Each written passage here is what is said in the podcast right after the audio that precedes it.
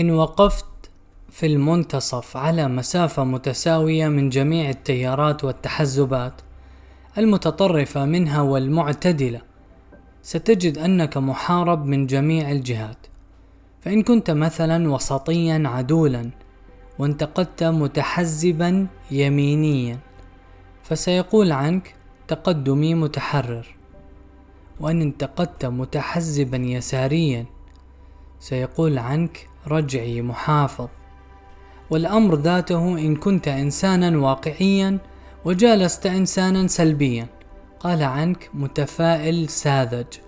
في نفس الوقت إن جالست إنسانا إيجابيا قال عنك أنك متشائم ناقم فالوسطية توازن عقلاني في الحكم على الحالة الراهنة وما يلزمها من اعتدال. وهذا هو قدر الوسطيين من يمشون على الصراط المستقيم ويدعون له بعيدا عن الشطط يرون انحراف الآخرين عن سيرهم في حين لا يرى المنحرفون حيادهم عن سبيل الحق وهم تبع لأهواء دنياهم. والله أعلم بمن ضل السبيل يقول تعالى وإن تطع أكثر من في الأرض يضلوك عن سبيل الله إن يتبعون إلا الظن وإن هم إلا يخرصون. أنا محمد صباح وهذا بودكاست نحكي شوي. في هذا البودكاست راح نتناول مواضيع مهمة جريئة أحيانا مزعجة. كل الجهود المبذولة في هذا البودكاست ما بتغنيك أو بتمنعك أنه تبحث أكثر. لا تتبنى أي آراء لا تتبنى فكري ولا كل ما أقول. خلينا نحكي شوي. أنقل هذا المقال للمهندس محمد نبيل من مدونة السبيل. لقد انتقدنا التطرف في حركة النسوية الحقوقية فاتهمونا بالذكورية وكره النساء. وفي هذا المقال ننتقد التطرف في حركات الرجال الحقوقية والتي بدأت بالانتشار في عالمنا العربي بشكل سلبي ربما أكثر من الغربي. ولا يهمك إن اتهمنا بالتعاطف مع النساء فالدعوة إلى سبيل الله أجل وأعلى من مكاسب الدنيا. إذا سمعت عن الحركات النسوية فاليوم رح نحكي عن الحركات الذكورية. خلينا نحكي. سنقدم في البداية مقدمة سريعة عن نشأة حركة الرجال الحقوقية MRM والتي يقال إنها ظهرت بشكل متواضع في أواخر القرن التاسع عشر على هيئة دعوات في أعمدة المجالات ثم بدأت مجلات ثم بدأت تأخذ شكل حركات ضعيفة غير مترابطة تركز على قضية بعينها في ثلاثينات وأربعينات القرن الماضي. مع ازدياد الحراك النسوي الحقوقي وتأثيره على القوانين الوضعية في منتصف القرن العشرين ظهرت أصوات تطالب بتسليط الضوء على مشاكل الرجال بعد دراسة التأثير السوسيولوجي للنسوية شكلت هذه الأصوات حركة تحرير الرجال التي كانت تؤكد على معاناة كلا الجنسين إلى أنها لاحقا انفصلت هذه الحركة إلى مؤيدي حقوق النسوية ومناهضيها بسبب الخلاف على كون الرجال مضطهدين من النساء أم لا ومع انتشار الإنترنت في بداية الألفية. وتوجه مناهضي النسوية للمنتديات والدردشات الإلكترونية أصبح هناك تجمعات للرجال يتشاركون مشاكلهم الخاصة ويسخطون على استمرار الإعلام الليبرالي بتسليط الضوء على مشاكل المرأة الصحية والنفسية ووضع مشاكلهم في الظل. وهنا ظهرت حركة الحبة الحمراء التي تتبنى قضايا متعددة للرجل من مثل حقوق أو حق الأبوة العنف المنزلي ونفقة الأمهات المطلقات وسرطان البروستات وتعاظم عقوبة السجن على الذكور دون الإناث وغيرها من القضايا التي لم تأخذ حقها في إيجاد حلول. استلهم اسم الحركة من مشهد مورفيوس في فيلم ماتريكس عندما يخير نيو بين حبة زرقاء يعود بها جاهلا لعالمه الوهمي أو حبة حمراء تكشف الغمامة عن عينيه وتريه حقيقة هذا العالم. حتى الآن كل شيء يبدو كنتيجة طب طبيعية لرد فعل على التحزب الحكومي والإعلام لطرف على حساب طرف آخر. لكن كما هو الحال في كل الحركات التي تشكل بيئة خصبة جاذبة للأفراد الجاهلة أو ذات النزعة المتطرفة احتضنت الحبة الحمراء أو حركة الحبة الحمراء من عانى من الظلم وملأ قلبه كراهية النساء أو لام نفسه على ضعفه وسار على الاستقواء بمن هو أخبر لأن عدد الأصوات يحتسب كيفما كان سواء كان صاحبها متطرفا أم معتدلا جاهلا أم متعلما. خرجت حركة الحبة الحمراء بأفكار تنادي بإعادة الهيبة للرجل كاستراتيجية مقاومة لاستغلال المرأة حقوقها المتمددة على حساب الرجل. كما تنظر لها هذه الحركة. فهم يرون أن هناك مشكلة في وجود فطرة عند المرأة أو غريزة تطورت تدفعها للارتباط بمن هو أعلى منها شأنا على عدة أصعدة خاصة إن كان المجتمع متحررا في المواعدة بين الجنسين وترك الشريك لأجل شريك آخر مما يعني تكرار هذا التصرف للحصول على ما هو أفضل وهو ما يطلق عليه علميا الارتباط الفوقي هايبرجرامي ونتيجة لتلك الممارسة فقد آلاف الآباء حضانة أبنائهم ونصف ثرواتهم كما تعلمون أو توالت الصدمات على فتيان في مواعدة الفتيات. لهذا السبب تشرح الحركة لمتبعيها كيف يتحول الرجل من بيتا تابع إلى ألفا قائد. أي أن الرجل يجب أن يتحلى بصفات القائد لجذب المرأة والسيطرة عليها وإخضاعها لكن ليس ذلك من أجل الزواج أولا بل من أجل التركيز على تحقيق الأهداف الأهم فلا يقع ضحية في طريق نجاحه للنساء اللواتي يردن جذبه لقفصهن ومن ثم الاستحواذ على ما يملك بالقانون إن وجدنا من هو أفضل منه. بمعنى آخر إن تحقيق الذات من خلال الثروة والمكانة الاجتماعية وغيره حتى لو تقدم الرجل بالعمر هو كفيل بأن يفتح كل خيارات الزواج له لاحقا من فتيات في مقتبل العمر ولا يطمحن بعدها لغيره.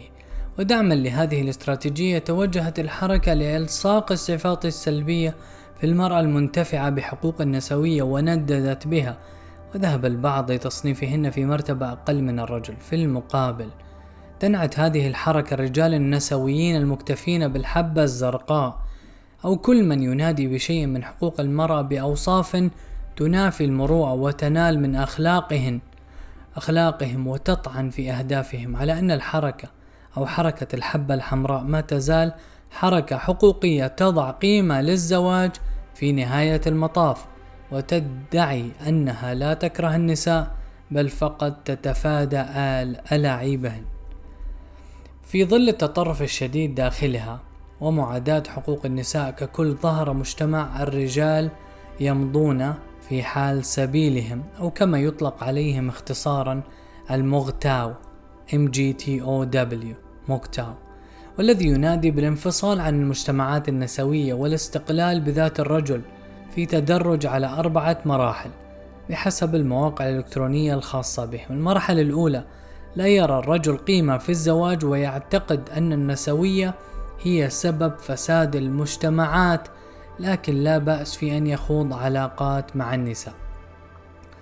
المرحلة الثانية لا يعترف في العلاقة طويلة الأمد مع النساء، لكن يدخل في علاقات قصيرة الأمد وهو المستوى الأخطر الذي يرفض الرجل فيه فكرة قطع النساء علاقاتهن من أجل شركاء أفضل ويعتبر ذلك عهرا وهي الذريعة التي يحل مجتمع المكتاو لنفسه بها الوصول للنساء من أجل الجنس فقط ويتفننون في إغوائهن والتقاطهن فيتحول الرجل منهم إلى ما يطلق عليه pick up artist وعلى ما يبدو يمكث أغلبية رجال الموختاو في هذه المرحلة المرحلة الثانية. أما المرحلة الثالثة يحدد الرجل علاقته بالنساء إلى الحد الأدنى كالرهبان.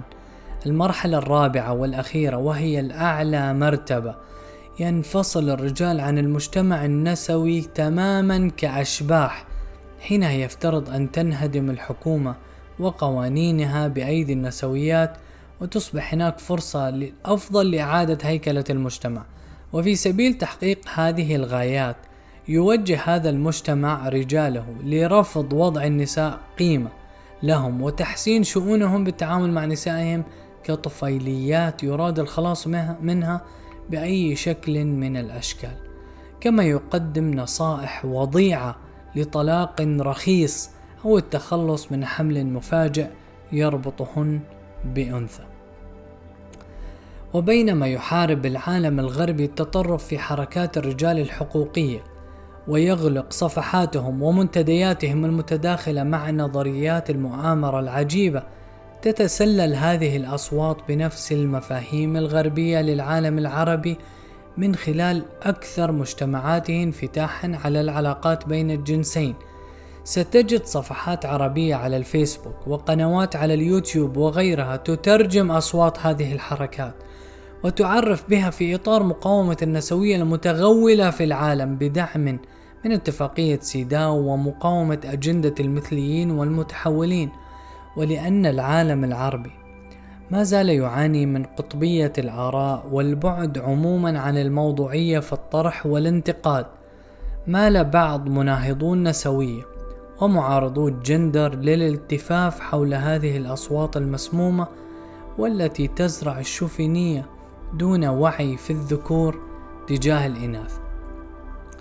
إليك هذه الاقتباسات من نصائح مريضة لإحدى الصفحات العربية المشهورة بثقافة الحبة الحمراء أو الثقافة الذكورية ويقدمها أحد المشرفين عليها لمتابعة أو لمتابعيه الشباب. رقم واحد تذكر يذكر هو تذكر أن نسبة طلاق الموظفة هو ستة أضعاف ربة البيت. أنت تستحق حياة مستقرة. اختر لأطفالك أما متفرغة لهم لا إمرأة تخدم مديرها وأبنائها أو أبناء غيرها أكثر. لاحظ استخدام كلمة التخديم إشارة إلى كون المرأة خادمة في العمل والمنزل. لا حول ولا قوة رقم اثنين أحد النصائح القذرة وجهة نظر النساء المركزية السائدة اليوم تعلم الرجال فقط كيف يكونون عبيدا جيدين وليس قادة لأسرهم ومجتمعاتهم. لاحظ استخدام كلمة العبد نقيضا للقائد وتمرير جواز عبودية المرأة للرجل القائد عوضا عن استخدام كلمة مثل تابع. رقم ثلاثة نصيحة أخرى. المتدثرة هي امرأة تعرف أن التدين يعني وجود مساءلة أقل حول ماضيها وأخلاقها ويعطيها ميزة استخدام الدين لتضليلك والعبث بمفاهيمك. لاحظ الخوض في شرف المرأة وإلحاق الخبث بها ونفي مسألة التوبة بأكملها. نصيحة أخرى لا تستعجل بالزواج بل ركز على طموحاتك. الزواج المبكر يناسب النساء لكن الرجل مسؤول عن الأسرة الزواج مكلف مكلف وليس لعبة. اطمئن لن تفوتك الفرصة فأنت رجل ولست امرأة وعمرك مجرد رقم. قيمتك ستكون أعلى لما تبني نفسك وتؤمن وتؤمن بيتك ومستقبلك ومكانتك بالمجتمع. لاحظ لاحظ هنا الإشارة بشكل غير مباشر لتدني قيمة المرأة بازدياد عمرها. وهناك الكثير والكثير من النصائح لكنها مقززة. هذا هجوم كاسح على دور المرأة وليس مجرد مجانبة للصوابية السياسية politically incorrect. الكارثة الأكبر هي محاولة دمج توجيهات هذه الحركة الحقوقية للرجال وتعاليم الإسلام في القضايا الأسري الأسرية ومعاملة المرأة. شأنهم شأن النسويات المتأسلمات ولو على حساب كافة التصادمات التي ذكرناها على سبيل المثال هنا وهي أكبر بكثير من ذلك.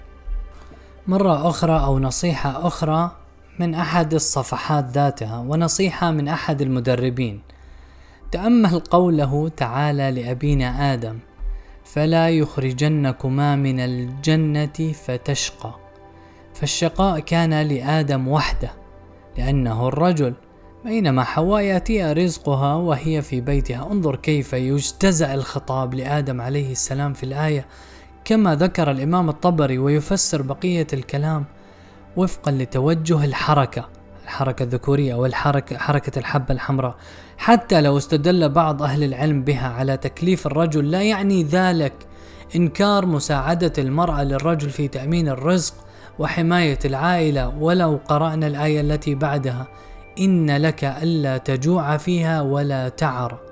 وفقا لتفسير هذا المدرب فهل يعني ذلك أن حواء استثنيت من ذلك أيضا وكانت تجوع في الجنة أم أن العقوبة لا تقع عليها بل الجزاء فقط؟ يقول الله تعالى اليوم أكملت لكم دينكم وأتممت عليكم نعمتي ورضيت لكم الإسلام دينا. من المؤسف أننا فوق استقبالنا لمشاكل مجتمعات الحداثة. نرتضي الحلول القادمة معها بحذافيرها ونجعل منها الأساس ومن ثم نفصل من الدين ما يلائم هذا الأساس دون مراعاة لشمولية الدين الإسلامي وكماله. والنتيجة هي بالطبع جماعة متعصبة بصبغة دينية أخرى. ولا نقول حركة حقوقية مثل الغرب لأن الديمقراطية الغربية غائبة عن المجتمعات العربية وحكوماتها بالمجمل. هذا أولا. وثانيا عقلية الرجل الشرق أوسطية تمنعه من الشكوى من ضرر المرأة النفسي. إذا ينحصر تأثير تبني هذا التوجه لحركات الرجال الحقوقية الغربية في تغيير مفاهيم الدين لدينا فقط وتدمير وحدة بناء المجتمع الأسري. العلة في كل هذا التطرف والندية هو تمحور كلا الجنسين حول فكرة مركزيته أمام الآخر، إما الرجل مركزية الرجل وإما مركزية المرأة. ولا يتوقف الأمر عند انصياع أحدهما لحقوق الآخر بل تهميش حقوقه وكأن القضية برمتها عبارة عن انتقام شخصي نعم لكلا الطرفين قضايا مهمة يجب النظر بها والبث فيها لكن دون تغليب لشأن أحد على الآخر وازدرائه عبر التنميط والقولية كلما زاد تركيزنا على الخلافات بين الرجل والمرأة في معرض الحقوق المتاحة زادت الهوة اتساعا وصعب مد الجسور فوقها يقول تعالى ومن آياته أن خلق لكم من أنفسكم أزواجا لتسكنوا إليها وجعل بينكم مودة ورحمة. إن في ذلك لآيات لقوم يتفكرون. إنما الراحة والألفة في تقارب الأزواج من الجنسين وليس تباعدهم.